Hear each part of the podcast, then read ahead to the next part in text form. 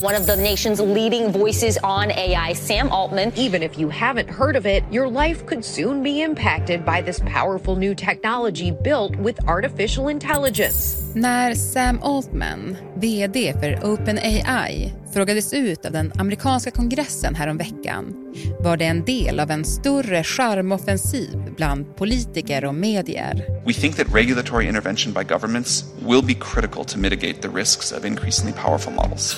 AI-boomen har tagit makthavarna på sängen och tekniken håller nu på att springa ifrån dem igen. We cannot afford to be as late as we have been to social media. På en kvart får du veta hur mycket makt kungarna i Silicon Valley har över utvecklingen och hur ädla deras motiv egentligen är. My worst fears are that we cause significant harm to the world. If this technology goes wrong, it can go quite wrong. Det är tisdag den 30 maj. Det här är dagens story från Svenska Dagbladet med mig, Alexandra Karlsson och idag med Björn Jeffrey, techanalytiker på SvD.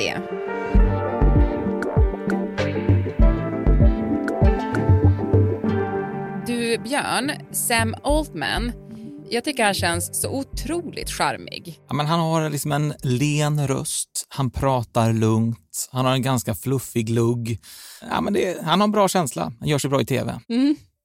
Du, jag ska säga till dig Björn att jag visste faktiskt inte vem han var innan eh, ChatGPT, som ju han är hjärnan bakom, blev sådär superstort.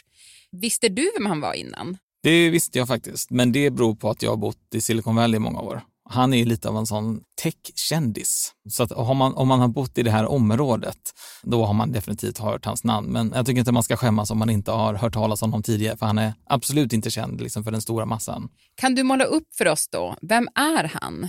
Men han är en, en ganska så klassisk entreprenör, liksom samma typ av saga som man har hört många gånger innan. Han börjar på Stanford, han hoppar av Stanford universitetet väldigt fort för att han ska starta eget, bygger liksom ett socialt nätverk som heter Looped. Men det här, han gjorde det liksom för mobilen, men två år innan iPhone kom. Så han låg liksom lite före sin tid med vad man skulle göra. Men därefter så gick han då slutade han på det. Han sålde det bolaget för ganska mycket pengar, men, men Silicon Valley mått mätt var det ganska lite pengar egentligen. Som var lite, lite av ett misslyckande får man säga. Så började han jobba på en väldigt fancy inkubator, alltså en företagsinkubator som tar in små startupbolag som heter Y Combinator.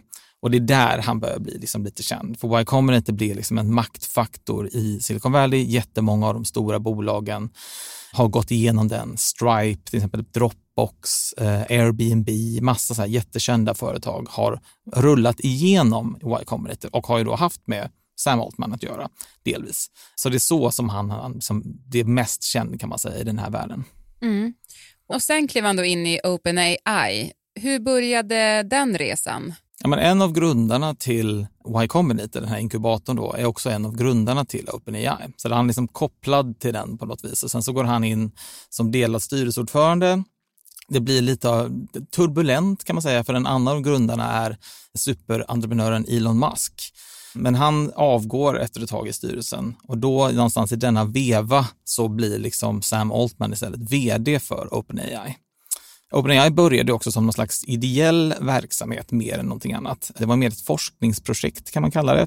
Utforskade liksom hur, hur ska vi göra med artificiell intelligens och mer specifikt det område som heter AGI som står för Artificial General Intelligence.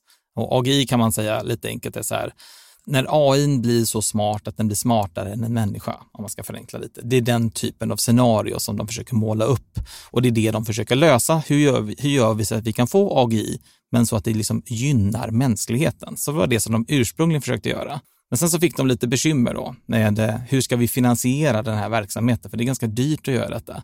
Och då var Simon Altman med och ställde om. Så nu är liksom OpenAI ett kommersiellt företag som har liksom en liten ideell komponent. Men eh, det är mycket pengar som rullar genom det här systemet just nu. Mm. Ja men precis, för det blev ju en jätteaffär med Microsoft som ju då köpte ChatGPT. Ja, eller de har investerat upp att totalt nu kanske 11 miljarder dollar. Men det gör ju samtidigt att om man investerar 11 miljarder så kan man ju förvänta sig att man ska få tillbaka någonting för den investeringen också. Så det är klart att det finns vissa ideella komponenter kvar här, men det här är i allra högsta grad en kommersiell verksamhet. Mm. Botox Cosmetic, out of botulinum toxin A, FDA approved for over 20 years. So, talk to your specialist to see if Botox Cosmetic is right for you. For full prescribing information, including boxed warning, visit BotoxCosmetic.com or call 877-351-0300. Remember to ask for Botox Cosmetic by name. To see for yourself and learn more, visit BotoxCosmetic.com. That's BotoxCosmetic.com. Och du sa där i början att Sam Altman eh, redan liksom innan ChatGPT var lite av en kung i Silicon Valley. Hur mycket kung är han nu då? Man kan nog inte bli mer kung än vad han är just nu ska jag säga. Det finns väl en fem, sex män i Silicon Valley som alla lyssnar på och som vars allas åsikter är baserade på någonting som de här fem männen har sagt. Men han är en av dem och det var innan OpenAI ens blev framgångsrik. Så att, ja, riktig kunglighet i, ja. på den amerikanska västkusten. Men du, eh, vi har ju varit inne på det här i tidigare avsnitt, men det finns ju många farhågor kring AI-tekniken. Och lite uppseendeväckande med det är ju att den hårdaste kritiken kommer från de som faktiskt var med och skapade AI. I realized recently that maybe the digital intelligences we were building on computers were actually learning better than the brain. And that sort of changed my mind after about 50 years of thinking we would make better digital intelligences by making them more like the brain. I suddenly realized we might have something rather different that was already better. Vad hörde vi här, Björn? Det här är Dr. Jeffrey Hinton. Han brukar kallas för AIs gudfader. Han har jobbat med detta jättelänge. Slutligen nu så var han och jobbade för Google. Men som nu har faktiskt hoppat av Google och kan man säga fått lite ja, kalla fötter och börjar fundera på liksom om hans egna livsverk kanske faktiskt kommer att ställa till med en massa oreda snarare än att, att hjälpa världen som det kanske först var, var avsett. Mm. Ja, men för än så länge så finns det ju inte någon reglering, eller hur? Väldigt, väldigt lite. Och den som finns är ett förslag i EU som heter AI Act.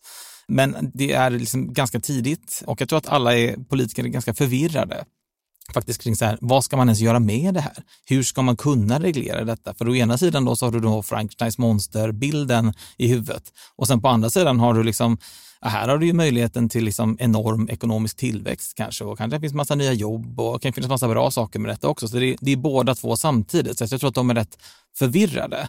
Och så är de också lite, de har lite ångest för hur det gick förra gången när man skulle försöka titta på nya techföretag med sociala medier tror jag också. Mm, ja, men precis, för där var de sena på bollen. Ja, det kan man lugnt säga. Amerikanerna har inte ens börjat än. Kan man säga. De är så sena att det är liksom för sent. De är ju 20 år sena. Och den lagstiftningen som kom i EU nu, den har ju precis bara rullats ut just nu. Och som sagt, amerikanerna har haft flera förslag, men de har inte fått tillstånd en enda lag som faktiskt reglerar techjättar på något vis. Så att, ja, men totalt stiltje skulle jag säga i den här frågan i USA. Men nu verkar det ju som att, att de amerikanska politikerna inte vill göra samma misstag eh, när det gäller AI då, utan att vara med på tåget lite tidigare. Ja, jag tror att man försöker kanske ja, fixa det som man ställde till förra gången genom att liksom inte vara så långsam. Då. Men det är klart att det här är ju i mångt och mycket en mycket svårare fråga att reglera än vad sociala medier var. Sociala medier är ju mer en traditionell konkurrenssituation. Är det rimligt att någon får äga så stor del av en marknad? Det är inte konstigare än om en bensinstation skulle köpa upp alla andra bensinstationer så kan man tänka sig det kanske inte är så bra för då har man inget val som konsument och finns det ingen konkurrens och sådär. Det här är egentligen en mycket svårare fråga för här vet man inte riktigt hur det kommer bli. Det är det som gör att den blir liksom annorlunda. Men grundfrågan är densamma såklart. Nu tror jag att så här, okej, okay, nu är vi på den här frågan förhållandevis tidigt. Nu håller vi lite kongressförhör och liknande och försöker reda ut hur, hur, hur vi ska kunna göra. Welcome to the hearing of the privacy technology and the law. Senatorn Richard Blumenthal sätter sig till rätta i kongressalen och hälsar välkomna. Efter några artighetsfraser så kommer han direkt till pudens kärna.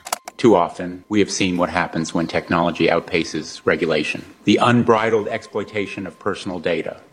The proliferation of disinformation. Om man bara lyssnar så tänker man nog att Blumenthal fortsätter sitt tal. Men om man tittar på videon så märker man snabbt att det inte längre är han som pratar. But in fact, that voice was not mine and the audio was an AI voice cloning software The remarks were written by ChatGPT. Att Blumenthal väljer att demonstrera hur lätt det är att manipulera med hjälp av AI är såklart ingen slump. Hela förhöret i den amerikanska kongressen ska ju handla om precis det här. Hur politiken ska hantera utmaningarna med den stora AI-boomen.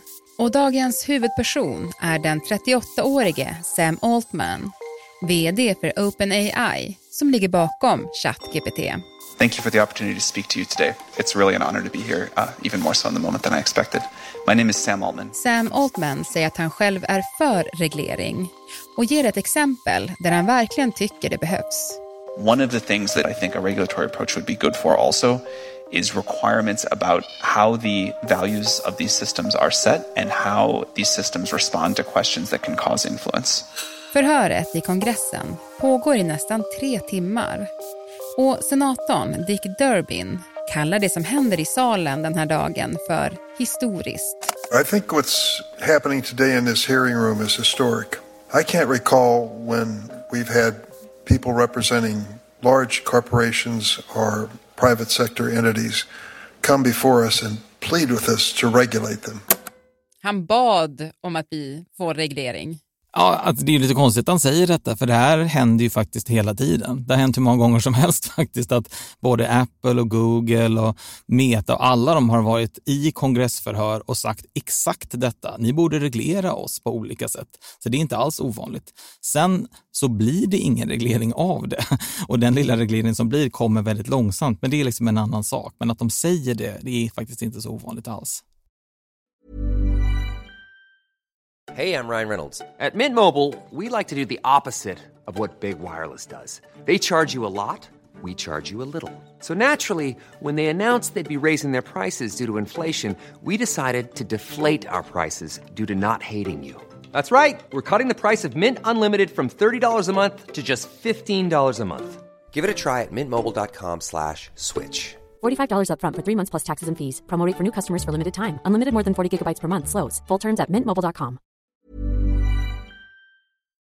Men hur skulle du sammanfatta det som hände under den här utfrågningen? Då? Ja, men I vanliga fall så är det ju väldigt mycket pajkastning. Liksom. Det känns mer som att de nästan så här, att utfrågningen är ett sätt att producera klipp till sociala medier. Armar viftar och ska det vara så här, give me a yes or no answer. Fast det är liksom inte en yes or no fråga ofta, så det, det är ganska dramatiskt. Men i det här fallet så var det ganska annorlunda, utan här var politikerna mycket mer, det kändes genuint nyfikna. Hur ska vi tänka kring detta? Vad ska vi göra? Är det här någonting jättebra eller är det här liksom en stundande katastrof? Och Vad som var ovanligt också var att det var från båda politiska sidor i USA, för de kom ju som bekant nästan inte överens om någonting. Men just den här frågan så verkar de vara lite överens om så här, det här är spännande, men det är också lite läskigt. Så då måste vi ha någon som kan det här bättre än oss som kommer hit och berättar för det. Och det i det här fallet, det är Sam Altman. Mm. Som också ju har egna intressen i det. I allra högsta grad. Man ska ju tänka på att det är tudelat för en person som Sam Altman. Jag tror så här, han har ju såklart en ganska god insikt i hur det här går till. Han har ett intresse av att se till att hans egna bransch och hans egna företag inte blir reglerat på ett sätt så att han inte kan bedriva sin verksamhet. Jag tror att han samtidigt är säkert oroad över att om det här hamnar i fel händer så skulle det kunna ställa till mycket oreda. Men man, man, kan inte heller glömma att han är ju liksom längst fram. Han är ju marknadsledare i det här området just nu. Så det är klart att om man börjar med liksom massa regler nu så kommer ju alla konkurrenter ha mycket, mycket svårare att liksom komma ikapp på samma sätt som han har. Så att det låter ju ganska ödmjukt och godhjärtat och världsförbättrande, men, men det finns ju även kommersiella motiv bakom varför det skulle gynna OpenAI och Sam Altman att man inför en massa regler just nu. Ja, men så, hur tror du att det kommer bli då, Björn? Kommer det bli reglering? Jag tror att det kommer, men jag tror att det kommer ta lång tid. Det här är en jättesvår fråga att, att hantera och man märker hur viktig den är för att Sam Altman, han har varit i Washington DC ganska mycket. Han har haft hållit liksom privata demonstrationer, visar precis hur OpenAI funkar för politiker. Han går på middagar och liksom talar och vet, han bygger liksom politiska relationer. Det gör nästan inte de här techbolagen annars. De brukar hålla sig ganska långt ifrån politiker och Washington om det går. Men nu är liksom Sam Altman är lite, han är, föregår liksom ett, ett tänkbart bekymmer här, så att det antyder på något vis att han, han vet att det här kommer. Men, men, men här har jag en stor möjlighet att få, få det ja, men så bra som, så som jag skulle vilja ha den kanske, han tänker han har lyssnat på sina egna råd då för hur man blir framgångsrik kan man tänka sig. Ja, men han, har ju, eh, han är ju ganska, i och med att han är då en av de här eh, många männen som styr liksom, vad ska man säga, tankeagendan i Silicon Valley, så hade han ju såklart en blogg för några år sedan. Den gick jag tillbaka och tittade på. Och där finns rätt mycket ro, goda råd, från, bland annat i den då ganska anspråksfulla titeln How to be successful, eh, som bloggposten heter. Den är ganska lång också, ska jag säga. Väldigt lång, så det verkar inte vara jätteenkelt att vara successful. Det här är liksom 13 olika punkter som man ska göra. Några som kanske är mer uppenbara än andra, som till exempel You get rich by owning things, som är du blir rik av att äga saker. Eh, kanske inte var jätteförvånande. Men några grejer som man går in på lite mer specifikt är att man måste bli väldigt duktig på att berätta för andra vad det är man är bra på. Du måste bli bra på att sälja saker helt enkelt. Och det är väl det han egentligen gör nu. Han är på en säljturné. Han säljer sitt eget företag, han säljer sin egen kunskap och han liksom paketerar hela AI-frågan på ett sätt som är gynnsamt för honom. Och det är ju ett slags sälj, även om man inte tar betalt på det viset. Så att, eh, ja, han verkar rätt eh, successful hittills, eh, den gode och charmige Sam Altman. Mm. Och hans andra tips där var ju också att dyka upp personligen när det är viktigt. Och det har han ju också Precis. gjort. Ja, verkligen. Men, men det, det, kan väl inte vara viktigare än ett kongressförhör, tänker jag. Men sagt, han, det är det snällaste kongressförhöret av en sån här techledare jag någonsin har sett. Så att, eh, jag tror att, att ha skakat hand och käkat middag med alla de här politikerna innan man kliver in, där har liksom Mark Zuckerberg någonting att eh, lära sig, tror jag. Mm. Du, tack så jättemycket, Björn. Tack själv. Dagens program producerades av Daniel Sävström, redaktör var Stina Fischer och jag heter Alexandra Karlsson. Vill du kontakta oss så mejla till dagensstory.svd.se.